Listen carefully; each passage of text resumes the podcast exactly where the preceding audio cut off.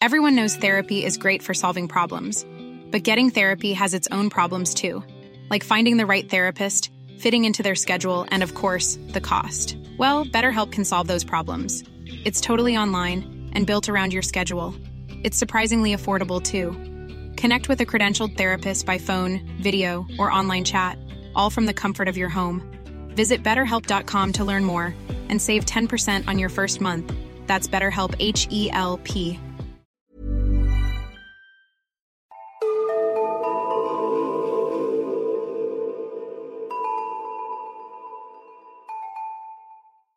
Hej och välkomna till Nära ögat, en true crime-podd för mesar. Mitt namn är Alexandra Kensdottir. Och jag heter Amelia Ingman. Och välkomna till avsnitt 48.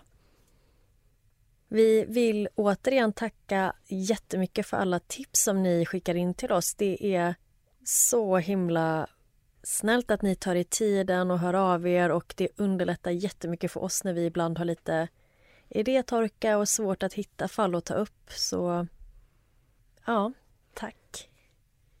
Ja, tusen tack. Och om ni undrar varför vi inte har tagit upp just ditt tips så är det så att vissa tips vi får in eh, innehåller väldigt mycket mord.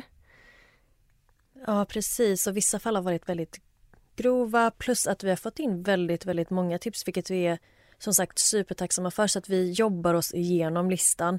Men vi försöker som sagt undvika de fall som innehåller mord.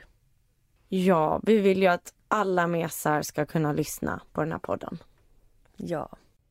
Men även om vi har fått in många fall så uppskattar vi ju alltid nya tips. Vi skriver som sagt upp dem i en lång lista som vi vänder oss till ibland när vi ska skriva manus. Precis, och om du har något fall som du tror att vi skulle vilja ta upp så får du jättegärna skicka det till oss på antingen Instagram eller Facebook där vi heter Nära ögat podd. Exakt. Och det fallet som jag har tänkt berätta om idag är faktiskt ett tips. Ja, vad kul!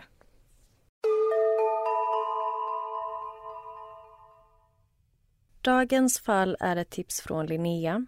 Så tack så jättemycket för att du skickade in det här fallet. Men jag vill redan nu varna för att detta är ett väldigt otäckt fall där barn far illa. Och när jag skrev det här manuset så tyckte jag själv att det var på gränsen. Men vi får helt enkelt påminna oss om att huvudkaraktären klarar sig. Mina källor är ett Youtube-klipp av Brooke McKenna, The Dark Side of Soul podcast, The Korean Times, nyhetsinslag av Korea Now och Wikipedia. Jag ska berätta om en åtta år gammal flicka som heter Najong som kommer från Ansan i Sydkorea. Den 11 december 2008 är Najong på väg till skolan som vilken dag som helst. Hon går samma väg som hon alltid brukar göra och hon är van vid att gå den här vägen själv. Och direkt så slänger jag in en varning. Som sagt, det här fallet kommer beröra barn som far illa och sexuella övergrepp. När Najong går på trottoaren så dyker det plötsligt upp en äldre man framför henne och han säger till henne att hon måste gå till kyrkan. Och innan Najong hinner reagera så tar mannen tag i henne och släpar in henne i en intilliggande kyrka och drar sedan med henne in på toaletten och låser dörren. Inne på toaletten drar mannen ner sina byxor och försöker tvinga Najong till att utföra oralsex, men hon vägrar. Så mannen börjar slå henne i huvudet och ansiktet och han biter henne i kinden och sen stryper han henne tills hon blir medvetslös. Mannen förgriper sig sedan på Najong flera gånger och han använder sig även av saker som finns inne på toaletten. Och håll för öronen nu. Men Najong blev så illa utsatt att hennes inre hängde ut ur kroppen. Men gud. Ja, det här är så fruktansvärt. Alltså jag vet inte ens vad jag ska säga. Ja, det är så vidrigt och hemskt. Men nu är de värsta detaljerna över. Det är så otroligt mörkt att det finns människor som gör sånt här.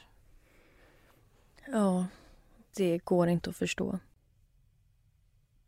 När mannen är klar så går han därifrån och lämnar Najong på toaletten.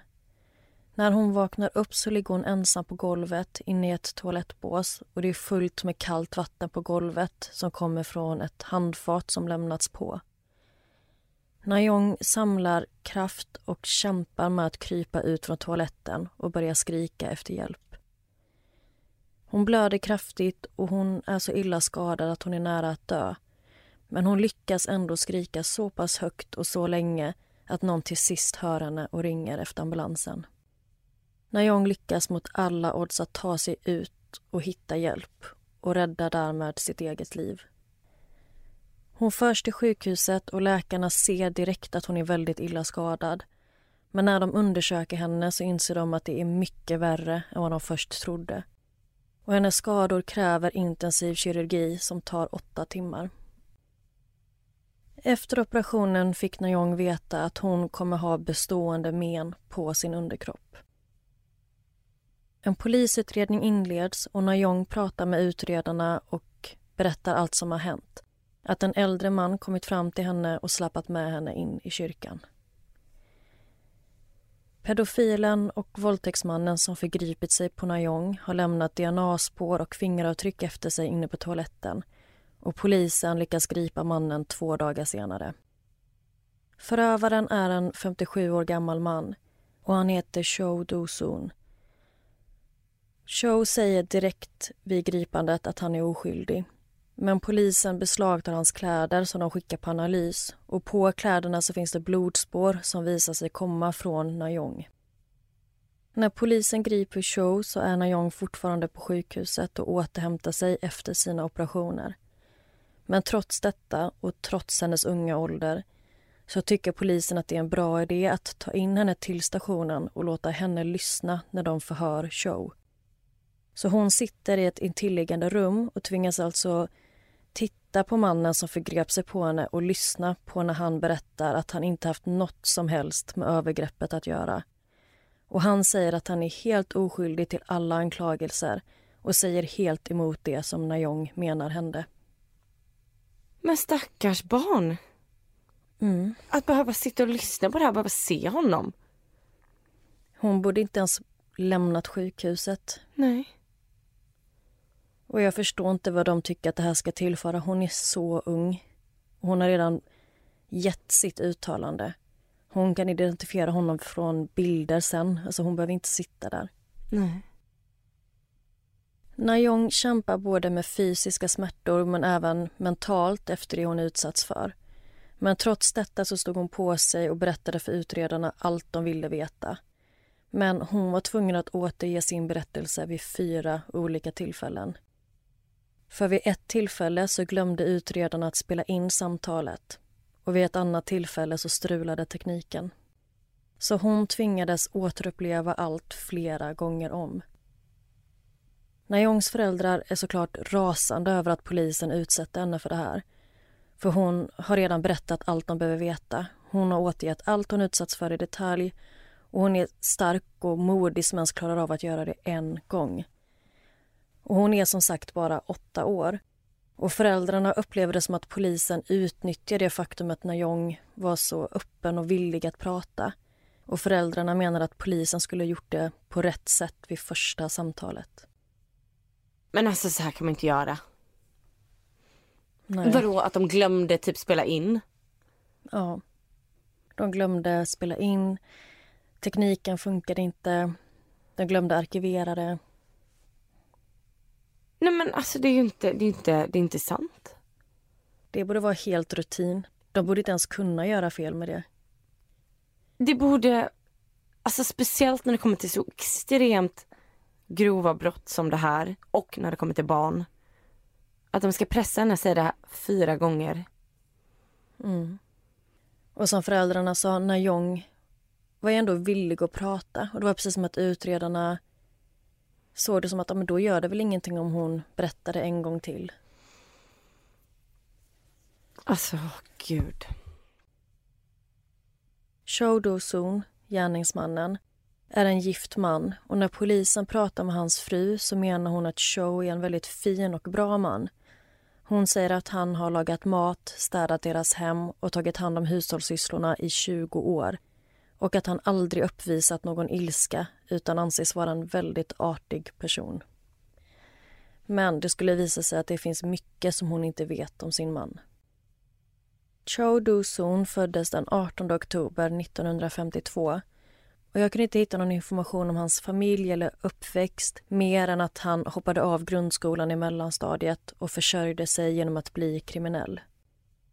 Det första brott som han någonsin utförde åkte han fast för och det var när han stal en cykel. Men ingenting hände för han var så pass ung och det var inte ett så grovt brott. Men att åka fast avskräckte inte honom utan han fortsatte med grövre brott. Två år efter cykelstölden blev Show tagen när han försökte stjäla pengar från ett gatustånd och han dömdes till ett år och sex månader i ungdomsfängelse. Åtta år efter det straffet dömdes han ytterligare en gång, denna gång till åtta månaders fängelse för stöld. När Cho är 31 år så förgriper han sig sexuellt på en 19-årig flicka som jobbade i närheten av hans hem. Han greps och dömdes till tre års fängelse. Och offret för det här övergreppet tvingades spendera 30 dagar på sjukhus efter attacken på grund av de fysiska skador som hon fick. Och man tror att detta är hans första sexualbrott eller det är i alla fall det första som han dömdes för. Efter det här fängelsestraffet förgrep han sig på en barvärdinna och för detta döms han till böter. När Cho är 39 år gammal så mördar han en annan man. Och jag kommer inte gå in på några detaljer kring det här brottet. Men offret var en 60-årig man och motivet ska ha varit politiska meningsskiljaktigheter. Och Cho dömdes endast till två år sluten psykiatrisk vård. Detta på grund av att han var full vid tillfället för mordet och han uppfattades som sinnessvag. Alltså jag vill typ skrika. Den här mannen ska inte vara på gatorna. Det hör vi ju. Han gör ju nya och nya brott som blir grövre och grövre. Mm. Tyvärr så kommer det inte bli bättre. Jag tror du kommer bara bli ännu mer frustrerad sen. Totalt har Cho 17 olika domar för olika typer av brott. Och det är oklart ifall hans fru var medveten om alla.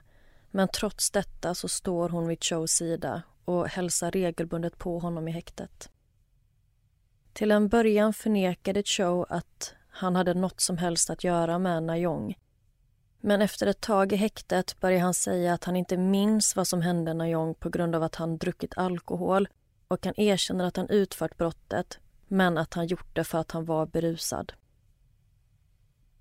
När det är dags för rättegång så tvingas Najong att vittna trots att hon redan berättat för utredarna exakt vad som hänt och hon har gett sitt vittnesmål flera gånger om. Men tydligen så finns ingen inspelning av hennes utlåtande arkiverad så de kan inte spela upp det för rätten. Rättegången äger rum relativt kort tid efter själva attacken så Najong håller fortfarande på att återhämta sig när hon blir tvungen att vittna. Och åtta år gamla Najong möter då mannen som våldtog henne i rättssalen. Och tänk så mycket mod som krävs för att hon ska klara av detta. Att det ens lät honom vara kvar i salen när hon tvingas vittna är helt sjukt. Okej, jag känner att jag avbryter hela tiden här, men det här är alltså det mest hjärtskärande jag hört. Alltså den här stackars, stackars, stackars tjejen. Och det är inte ens som att polisen försöker skydda henne nu, känns det som. Nej, och i och med att hon nu går med på att vittna eller tvingas in till att vittna att de då inte låter henne göra det via länk eller i alla fall sätter gärningsmannen i ett annat rum. För att hon sitter i samma sal. Alltså hon är åtta år och har gått igenom det sjukaste traumat. Och ska hon bara möta den här frukt... Alltså jag vill inte ens kalla honom för människa. Alltså han är så äcklig. Mm. Men när Jong visste att hon hade inget val hon var tvungen att ställa upp på att vittna för att försäkra sig om att Cho ska dömas till fängelse. Under rättegången lämnar Cho över ett brev som han skrivit till domaren. I brevet så står det att han inte är ett monster som våldtagit en åttaårig flicka och detta står skrivet över 300 gånger. Rättegången är en väldigt traumatisk upplevelse för Najong och det är väldigt jobbigt för henne att befinna sig i den här situationen. Och hon kallas till vittnesbåset flera gånger framför Cho. Och under tiden som hon sitter där så har hon ett hål i sin mage. 8 procent av hennes organ blöder fortfarande och hon är tvungen att bära bindor på grund av att hon fortfarande har väldigt kraftiga blödningar. Försvarsadvokaten ställer en fråga till Najong när hon sitter i vittnesbåset. Och det är ifall hon kände lukten av alkohol på gärningsmannen. Hon svarar ja. För det är sanningen och Najong är väldigt ärlig och svarar sanningsenligt på alla frågor. Men vad hon inte vet är att det här svaret kommer påverka Chos straff. Faktumet att Cho hade druckit blir som en ursäkt för hans beteende. Att han var så full så att han inte kunde stoppa sig själv.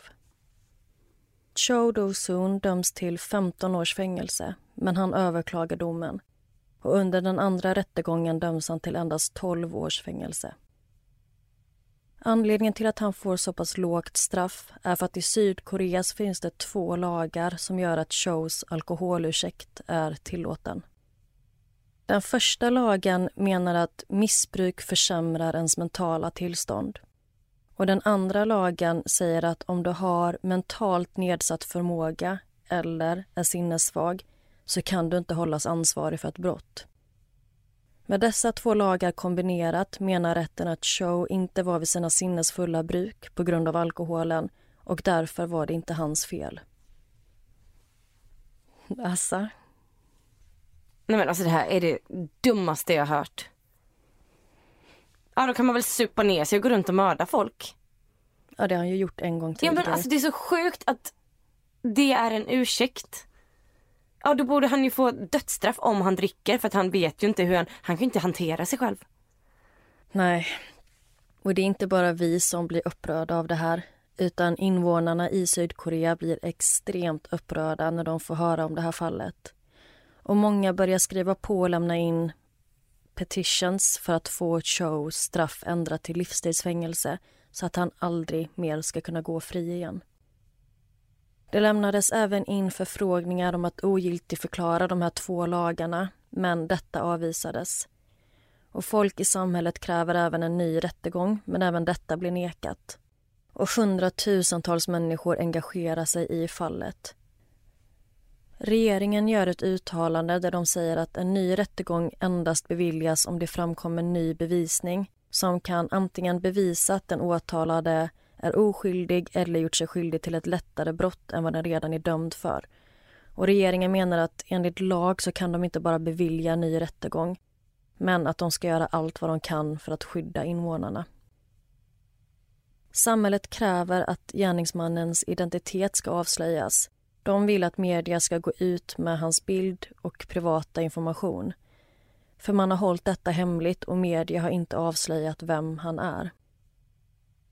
Najongs föräldrar blir såklart också upprörda över det låga straffet och de väljer att anmäla Åklagarmyndigheten för att de utsatt deras dotter för psykisk ångest. Och tre år efter anmälan så beviljades Najong en kompensation i miljonbeloppet och jag vet inte exakt hur mycket det var men enligt en amerikansk källa så var det 13 miljoner dollar. Och det låter fantastiskt men det finns ingen summa som kan mäta sig mot det hon tvingades genomlida. Och efter ett tag, när Najong är tillräckligt rehabiliterad så är det dags för henne att gå tillbaka till skolan igen. Och hon har ett jättefint stöd från både familj och vänner som älskar henne och hon börjar sakta men säkert känna sig som sig själv igen. Och hon kan till och med gå sin vanliga väg till skolan och passerar den här kyrkan där allt hände utan att få ångest eller bli rädd. Men detta blir inte långvarigt. Under år 2020 har Cho Do-Soon suttit av sitt straff och ska bli frigiven efter 12 år i fängelse. Detta sätter panik i samhället och folk är rädda för att han ska utföra liknande brott igen. Och folk börjar protestera. De ligger ner på gator och håller upp plakat och kräver av kommunen och borgmästaren att de antingen ska förbjuda Cho från att komma tillbaka till Ansan eller att de ska avslöja hans adress så att de i alla fall vet var han bor. Men trots demonstrationerna så kan de inte förhindra Cho från att släppas från fängelset. Så då skrev Najongs pappa ett brev till myndigheterna där han skriver att för elva år sedan hade de lovat att hålla Cho borta från samhället och han hoppas att de nu kommer leva upp till sitt löfte. Men rättssystemet har gjort sitt. Cho har fått sitt straff, han har suttit av det och nu finns det inget de kan göra. Men myndigheterna försäkrar dem om att Cho kommer bära fotboja under de kommande sju åren så då kommer de kunna spåra varje steg han tar. De meddelar även att hans adress kommer bli offentliggjord och Cho kommer ha en övervakare som har koll på honom dygnet runt. Men invånarna i samhället är inte nöjda. De är fortfarande väldigt upprörda över situationen och tycker inte att detta räcker. Så Sydkoreas svar på public service, NBC, väljer att gå ut med en bild på våldtäktsmannen Cho Do-Soon under en tv-sändning. Enligt sydkoreansk lag så är det en skyldighet att visa upp ansiktet på brottslingar som har gjort sig skyldiga till synnerligen vidriga brott och att det är invånarnas rätt att veta och känna till de här förövarna. Den 12 december 2020, en dag efter tolvårsdagen av attacken, släpps Cho fri. Han ska flytta tillbaka till sitt gamla hem, vilket är i samma område där Najong bor, bara två gator bort. Och det var fullt med demonstrationer utanför fängelset när Cho släpptes så fängelset var tvungna att ge honom skjuts därifrån, vilket inte hör till vanligheten. När han kom ut så bar han keps och munskydd och massa reportrar fanns på plats men han svarade inte på några av deras frågor och många skrek ut och frågade ifall han ångrade det han hade gjort. Men han var bara tyst, bockade och satte sig sedan i bilen. Men flera människor omringar bilen, de sparkar och hoppar på den, de kastar ägg. Och för att Show ska kunna komma hem på ett tryggt sätt så blir polisen tvungen att sätta upp långa barrikader längs vägarna och tre polisbilar kör framför och eskorterar Show hem. Innan Cho släpptes från fängelset så ska han ha sagt att han är ledsen för de brott han begått att om han en dag går fri så kommer han att leva ett tyst liv utan att skapa några problem. Men samhället skulle inte låta honom leva ett tyst liv utan det sattes upp massvis med övervakningskameror i området där han bor och de installerade även jättemycket belysning. Och det fanns en stor skräck bland invånarna att han var tillbaka och det gjorde inte situationen bättre av att han bodde precis intill en skola. Tack vare all uppståndelse kring fallet så infördes en ny lag som kallas för Chorosonlagen. Och den här lagen innebär att de som blivit dömda för att förgripit sig sexuellt på minderåriga förbjuds att lämna sina hem på kvällstid samt under de tider som barn rör sig till och från skolor. Najongs familj väljer att flytta från området innan Cho släpptes. Men hennes pappa har gjort flera uttalanden där han ifrågasätter rättssystemet och han menar att de skyddar dömda brottslingars rättigheter så att offren tvingas gömma sig. Och Han säger även att om Show på riktigt reflekterat över det han gjort och förstått innebörden av sina brott så skulle han aldrig valt att flytta tillbaka till samma område där dels offret bor, men där det även finns en skola. Najongs pappa försöker till och med komma fram till en förlikelse med Cho. Han erbjöd honom pengar och han var villig att skuldsätta sig själv för att få Cho att flytta. Men jag vet inte vad Cho svarade på det här erbjudandet. Men det slutade i alla fall med att han flyttade tillbaka till sitt gamla hem och till sin fru som fortfarande står vid hans sida. Najongs pappa kämpade verkligen hårt för sin dotter och han valde att säga upp sig från sitt jobb för att ta hand om henne på heltid och köra henne till läkarbesök och psykologer. Och Najongs familj började bära walkie-talkies så att de alltid enkelt skulle kunna komma i kontakt med varandra. Och de började även bära luftpistoler för att kunna skydda sig. Najong är inte flickans riktiga namn och hennes namn hålls än idag hemligt i media på grund av att hon var så pass ung när det här brottet ägde rum. Man valde att hålla hennes identitet privat och gav henne istället ett alias så att man kunde rapportera, diskutera och prata om fallet och ge offret ett namn och en identitet istället för att bara säga offret samtidigt då som man inte ville avslöja vem hon faktiskt är. Det är också ett sätt att skydda henne så att hon slipper återuppleva detta fruktansvärda trauma genom att se sitt namn i nyhetsrapporteringar. Men i och med att hennes identitet är skyddad så finns det heller inte så mycket information om vad hon gör idag. Och vi brukar ju vilja lyfta hur huvudkaraktärerna i våra berättelser gått vidare. Men vi får nöja oss här. Och det var berättelsen om överlevaren Najong. Alltså jag tror aldrig att ett fall har gjort mig så sjukt upprörd som det här. Mm. Det är helt fruktansvärt vad, vad hon fick gå igenom. Och man blir ju så frustrerad på rättssystemet ibland. Och jag fattar att man inte bara ska kunna ändra lagar och ändra hur som helst. Men som du sa, alltså man måste ju skydda offret mer än vad man skyddar förövaren. Mm. Och det är det som blir så skevt att han får flytta tillbaka. Han får bo nära sitt offer och en skola. För det är viktigt att han ska få komma hem ordentligt och liksom att de ska tre polisbilar lägga massa resurser på att han ska kunna leva ett liv.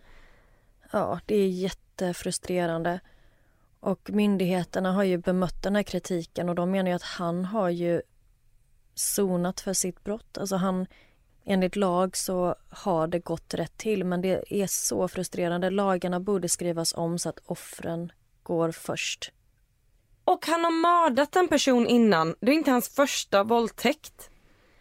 Nej, och den här sjuka lagen om att är man påverkad av alkohol så kan man inte anses som skyldig för sina handlingar för att han har faktiskt mördat en man och även då kunnat skylla på att han var full. Och det här med rättssystemet, man blir också väldigt frustrerad på hur polisen hanterade Najong och även rättegången för hon skulle aldrig behövt ställa upp som vittne. Alltså hon har redan uppgett allt för polisen, hon är så himla ung hon är fortfarande väldigt skadad och i smärta.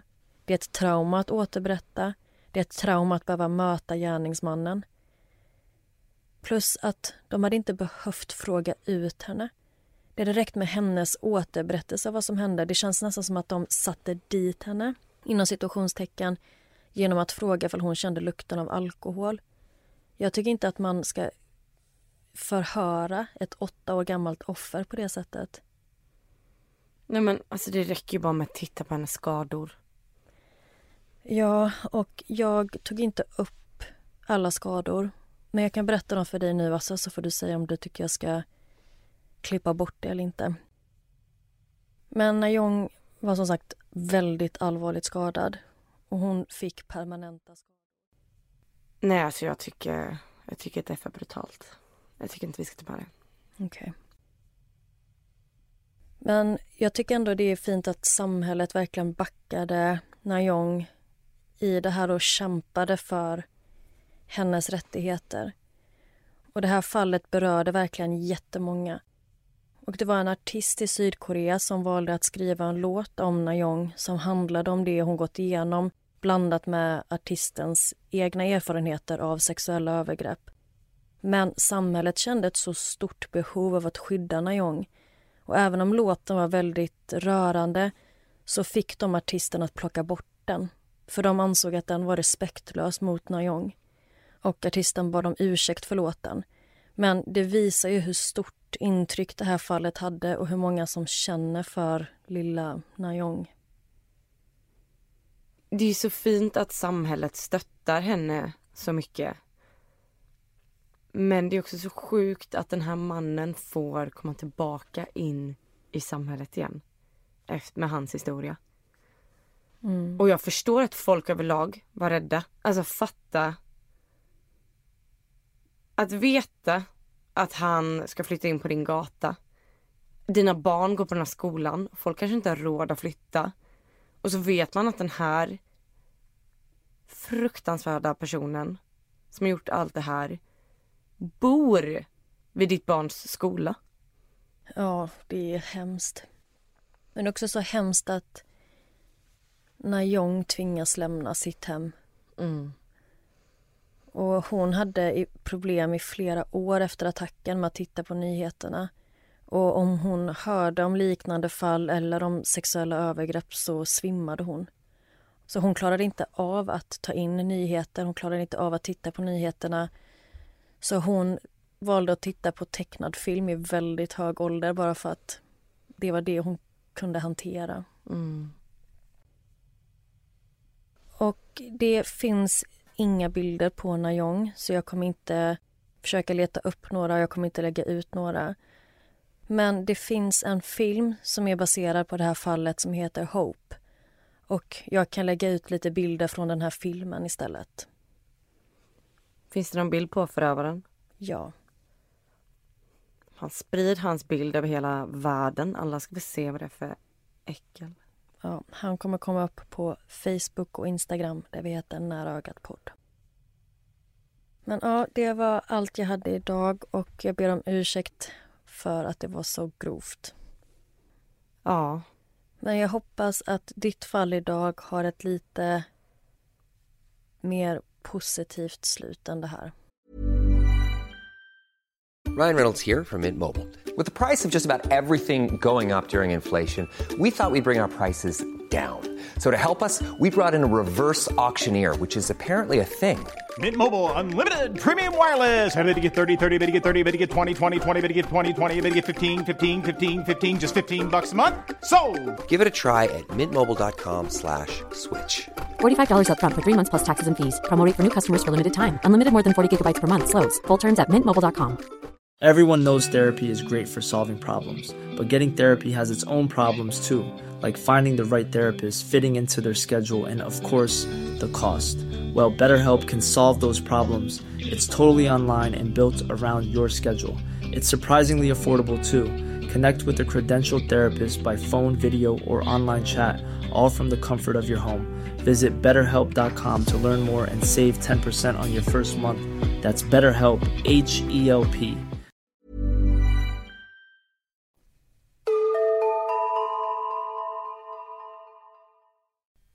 Idag ska jag berätta om Diane MacDonald. Och mina källor är två avsnitt av Australian Story på Youtube samt artiklar från ABC News Australia, Daily Mail och ett lagförslag av Diane MacDonald på parliament.vic.gov.au. Diane MacDonald, eller Dee som hon kallas, är en kvinna i övre medelåldern som bor i Craigieburn i nordvästra Melbourne i Australien.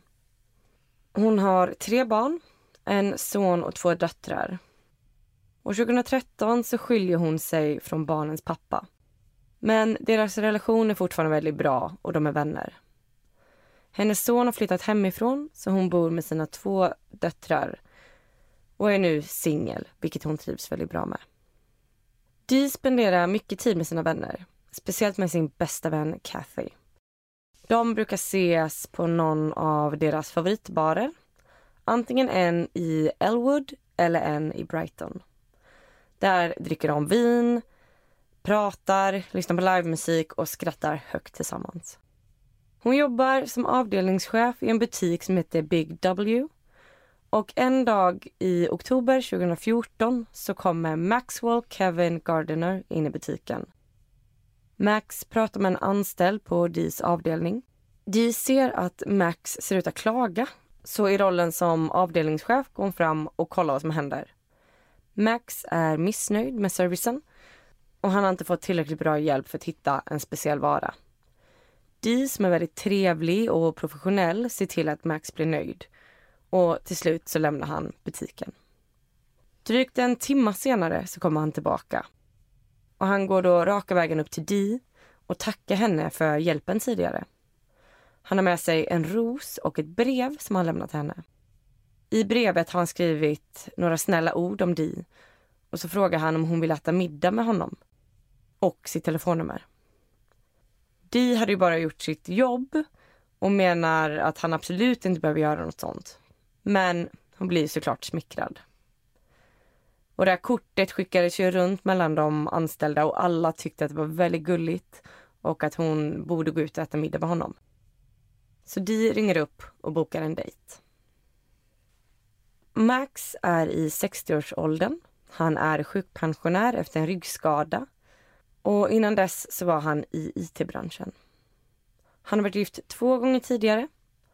Han är väldigt charmig och är verkligen en gentleman. Di och Max träffas några gånger och han får också träffa Dis vänner. Kathy, Dis bästa vän, tycker att Max verkar vara en bra kille. Han verkar snäll och genuin. Di är lite tveksam på om de verkligen är en bra match, men fortsätter ändå träffa honom.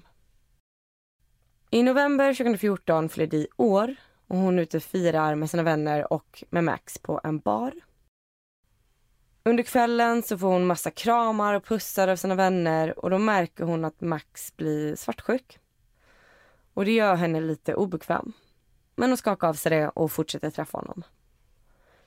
Och i december så presenterar Dee Max för sin syster Michelle och hennes man Rob. Michelle tycker att Max verkar snäll och genuin.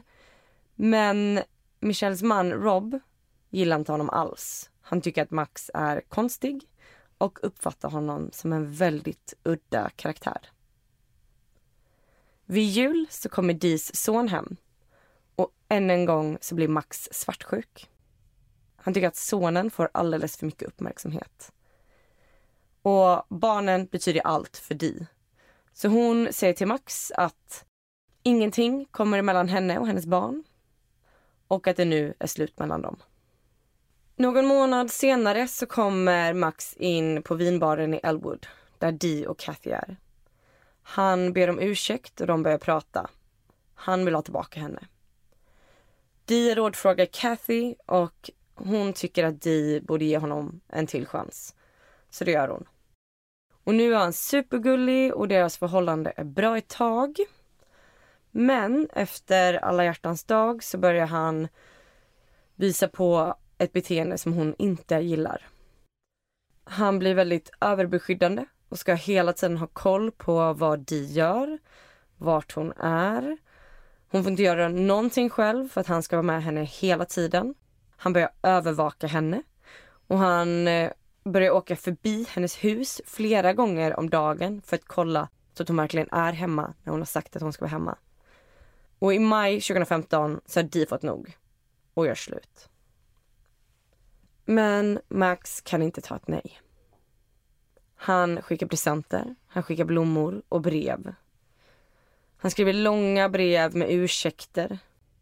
Men ursäkterna känns inte riktigt äkta. För han skriver också upp alla bra grejer som han har gjort. Och det känns som att han bara ber om ursäkt för att få tillbaka henne och att han inte på riktigt ångrar sina handlingar. Men Di köper inte det och försöker ignorera honom. Och inom kort så börjar konstiga saker hända. Max dyker upp vart DN än är. Och hon misstänker då att han följer efter henne. En dag så är det någon som kastar en sten genom Dis mammas fönster. Och så fort de lagat det så är det någon som kastar en boll genom det.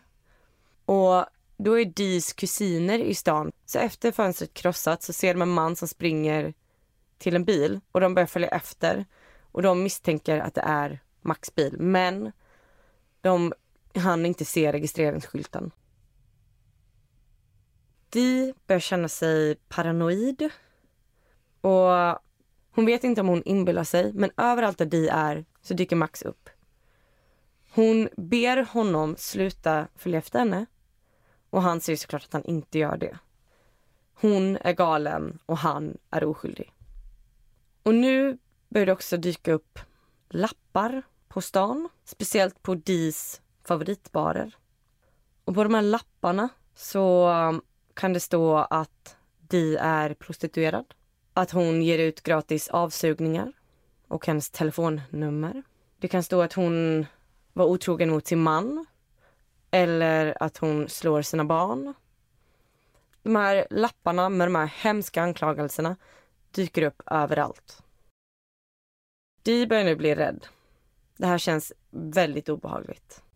Så hon installerar övervakningskameror runt hela sitt hus och hon byter lås på dörrarna. Lapparna fortsätter komma och nu står också skit om Dees vän Kathy. Och det står att Dee och Kathy är prostituerade, att de är horor, slampor, billiga, äckliga, ja, allt möjligt du kan komma på. Det står att de tar droger och de här lapparna anklagar också barerna för att de supportar de här äckliga kvinnornas prostitution och droganvändning. Och nu börjar Dee verkligen bli begränsad i sin vardag. Hon vågar knappt åka till de här barerna för att hon är ju rädd för att han ska vara där eller för att folk som har sett de här lapparna ska vara där och att de tror på vad det står. Och i juni 2015 så fångas Max på en övervakningskamera utanför en av barerna när han lämnar en lapp. Och hon polisanmäler honom. Men polisen säger att de inte kan identifiera honom till 100% och därför släpps han igen. Och lapparna fortsätter. Lite senare samma sommar så gör Dee lite ärenden på stan med sin dotter. Och när de kommer tillbaka till bilen igen och ska köra iväg så skakar hela bilen. Hon ringer då sin svåger Rob som kommer och tittar på bilen. Han hittar då flera stora spikar i två av däcken. Och de förstår ju direkt att det är Max som har gjort det här. Men alla de här grejerna som han gör mot henne är enbart för att hon valde att avsluta förhållandet. Ja, hon polisanmäler väldigt många av de här olika händelserna men varje händelse är ganska liten så att polisen kan inte göra någonting. Och kort efter eh, spikarna i däcken så följer Max efter Dee på jobbet. Och han försöker även få kontakt med Dees dotter på hennes skola. Dee kontaktar polisen återigen och den här gången får han besöksförbud. Men det här besöksförbudet gäller tydligen inte på hennes arbete då Max brukar handla där. Och Det här blir väldigt frustrerande för Di då det finns mängder av butiker och köpcenter i staden och hon uppfattar det som att hans bekvämlighet sätts före hennes säkerhet. En kväll så är hon och några vänner på en konsert och när de kommer tillbaka till bilen så är det punka. Och de tittar sig runt och ser då att det finns en övervakningskamera på en restaurang i närheten. Så de kontaktar restaurangen och ber om att få materialet. Och på videon så kan man se Max med en balaklava och handskar gå och punktera bilen. Och de kan identifiera honom genom hans lite speciella gångstil som han har på grund av sina ryggproblem. Men polisen menar som vanligt att man med 100% säkerhet inte kan säga att det är han. Och de får även in fler videor från barerna när han lämnar in lappar. Men som vanligt kan polisen inte göra någonting. De får rådet att flytta, skaffa sig ett nytt jobb och en ny bil. De blir såklart rasande. Varför ska hon behöva vara den som ska flytta när det är han som terroriserar och stakar henne? Och det här börjar verkligen tära på henne.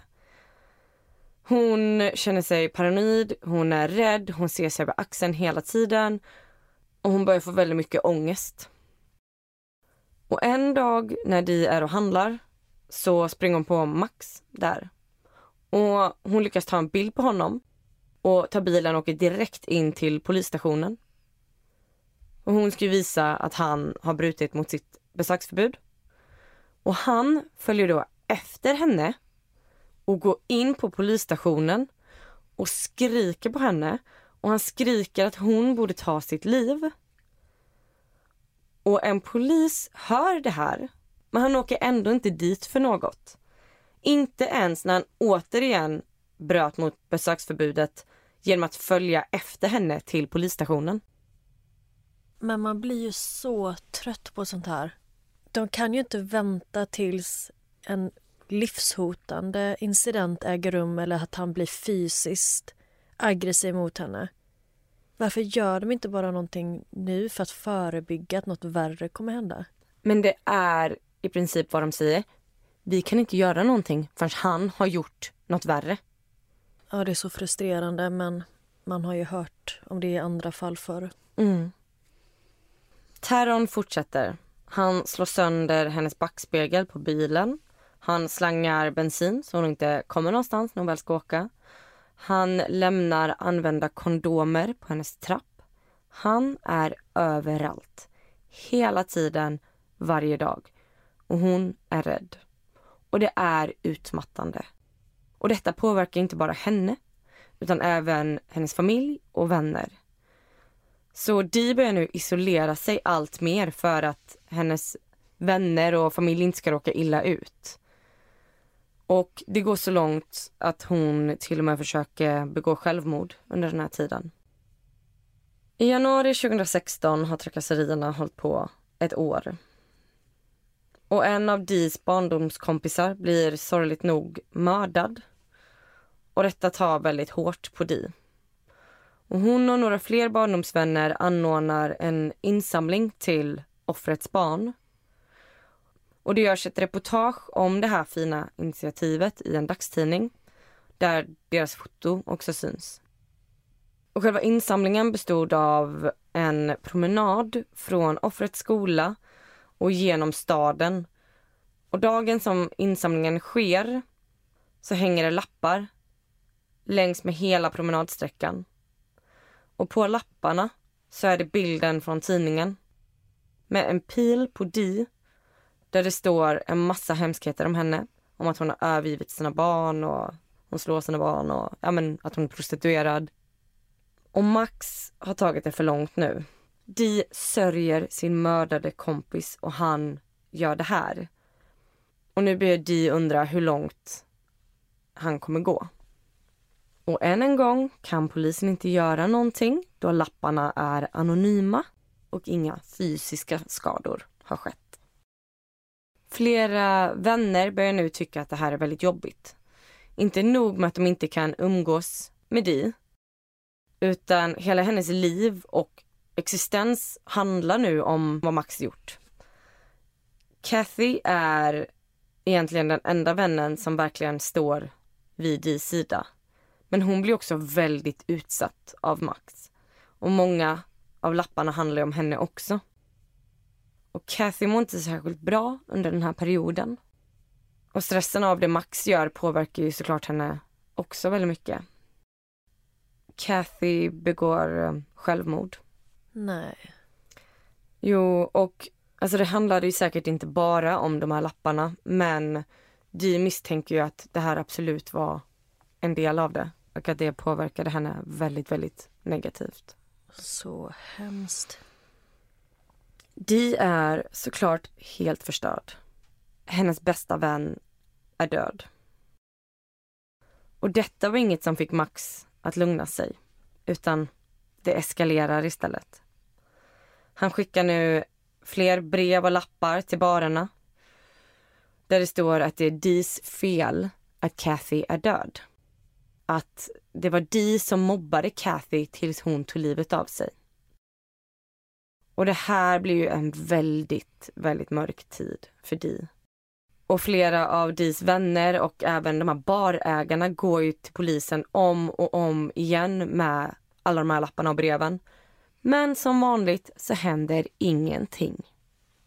Dee har ju satt upp övervakningskameror i sitt hem. Och vid flera tillfällen så ser hon en man i balaklava som smyger runt huset.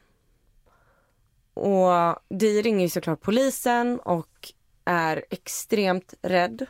Men man kan aldrig bevisa att det är Max som har gjort det, så det läggs ner. Dees yngsta dotter jobbar nu på Big W och Max åker dit och letar efter henne och frågar alla hennes kollegor om vart hon är. Och efter han gör det så ringer Dee till polisen igen och verkligen ber dem att snälla ta tag i det här, hjälp mig. Och efter år av trakasserier så hamnar ärendet hos kriminalkommissarie Beck Norris. Tidigare har alla de här polisrapporterna tagits av olika personer och ingen har haft det övergripande ansvaret. Men när Beck Norris får höra om det här och börjar läsa alla rapporter och börjar gå igenom allt bevismaterial så gör hon det till sin uppgift att sätta dit honom. För hon är övertygad om att Max ligger bakom allt det här. Och hon börjar göra research och hittar mycket riktigt att det här är inte första gången som Max stakar en kvinna. Han har gjort det här fem gånger tidigare under de senaste 30 åren. Men vad skönt att någon äntligen tar tag i det här fallet. Och vad sjukt att de inte har tittat på hans förflutna tidigare. Mm, det är så sjukt. Han har inte fått något straff tidigare. Han har väl haft besöksförbud. Men han har aldrig suttit inne för det här. Men 30 år har han hållit Han- på med den här skiten. Han har trakasserat kvinnor i 30 år. Och inte ett enda straff. Han kom undan hela tiden. Beck försöker få någon av de tidigare offren att komma fram och vittna. Men ingen vill. Och min personliga gissning är att de är rädda för att han ska komma tillbaka och börja staka dem igen. Hemskt nog så slipper de honom så länge han har ett nytt offer. Såklart. De vill inte få tillbaka honom i sina liv igen. Nej. Så jag förstår att de inte vågar. I och med att de inte får något stöd eller hjälp från polisen så nej, varför skulle de? Mm. Och Beck sätter ju en utredning på det här och försöker grundligt gå igenom alla bevis. De kan tyvärr inte hitta några fingeravtryck på breven eller lapparna. Och de hittar inte heller något DNA. Eh, han tejpade alltid igen kuverten och tejpade på eventuella frimärken. Men de hittade en hel del fiber på tejpen från vantar som han använt. Kriminalkommissarie Beck lyckas nu fixa en husrannsakan hos Max. Väl där hittar de en plastpåse. Och i den här plastpåsen så finns det tejp, en balaklava och handskar. Men hon förstår också att det här inte är tillräckligt för att få en fällande dom. Och nu får Beck en idé. Hon kontaktar James R. Fitzgerald på FBI i USA. Och han är den person som genom lingvistiska analyser av brev och artiklar gjorde att de kunde hitta Unibomber som hade jäckat polisen i över 17 år. Och i det här fallet nu med Max så har de ju mängder av gamla kärleksbrev samt brev som han skickat till domstolen och hoppas nu kunna jämföra det med de här hotfulla lapparna och breven. James tar sig an fallet och går nu igenom samtliga dokument. Han gör en analys och skriver en expertrapport som han då skickar till kriminalkommissarie Beck Norris. Och i rapporten så kommer han fram till att det med största sannolikhet är Max som har skrivit lapparna och att det är en extremt liten chans att det är någon annan som gjort det. Så i april 2019 arresteras Max och han har inga som helst kommentarer på förhöret. Den 2 juni 2019 får han sitt straff. Vad tror du att det blev? Förhoppningsvis fängelse, men om han fick det så max två år. Han fick åtta månaders fängelse och sen två års community correction order vilket är en dom som tillåter förövare att fullfölja sitt straff i en gemenskapsmiljö snarare än i ett fängelse. Personligen tycker jag att det känns väldigt lite då han har förstört hennes liv i så många år. Den här domen var bara gällande det han gjort mot Di, inte mot någon av de andra kvinnorna. Nej, precis. Ja, nej, det var ju ett väldigt lågt straff med tanke på allt han utsatt henne för och under så lång tid. Och tyvärr så kom han ut ur fängelset då 10 januari 2021. Och han fortsätter. Nej. Han tar henne hela tiden till rätten och stämmer henne för olika saker. Helt utan polisrapporter eller några som helst bevis utan han bara hittar på saker. Och de måste ju dyka upp i rätten för att det är straffbart att inte göra det. De beskriver stalking som ett långsamt mord. Man tar ifrån offret alla rättigheter och trygghet. Dis frihet är borta. Hon har behövt byta jobb. Hon var ju som sagt avdelningschef och jobbade väldigt nära sitt hem. Men i och med att han aldrig fick besöksförbud där så var hon tvungen att byta till en annan butik som ligger mycket längre bort från hennes hus. Och hon behövde då gå ner i titel och lön och jobbar nu fler timmar för att kunna tjäna ihop till samma lön som hon hade tidigare. Och nu försöker Max stämma Dee för förtal. Och de kan inte längre stämma honom för det han gjort då han redan suttit av sitt fängelsestraff för det. Di är nu 58 år gammal och hon är trött. Allt startade när hon var 51 år. Och nu funderar hon på att flytta och försöka få hemlig identitet.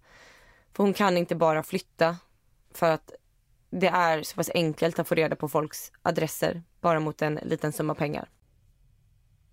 De har skrivit ett förslag på en lagreform till australiensiska myndigheter. Men än så länge kan jag inte se att något har gått igenom. Jag hoppas verkligen med hela mitt hjärta att Di mår bra idag och att Max inte längre kontrollerar hennes liv. För jag kunde inte hitta någonting nu från 2022. Men Max har gjort detta i över 30 år. Och jag tror aldrig att han kommer sluta. Speciellt när han aldrig någonsin blir tillräckligt bestraffad för det. Och det här var historien om Diane D. McDonald. When you make decisions for your company, you look for the no-brainers. And if you have a lot of mailing to do, stamps.com is the ultimate no-brainer. It streamlines your processes to make your business more efficient, which makes you less busy. Mail checks, invoices, legal documents, and everything you need to keep your business running with stamps.com. Seamlessly connect with every major marketplace and shopping cart. Schedule package pickups and see your cheapest and fastest shipping options from different carriers with rates up to 89% off USPS and UPS rates. And with the stamps.com mobile app, you can take care of mailing and shipping wherever you are. Make the same no-brainer decision as over 1 million other businesses with stamps.com. Sign up with code program for a 4-week trial plus free postage and a free digital scale. No long-term commitments or contracts. That's stamps.com. Code program.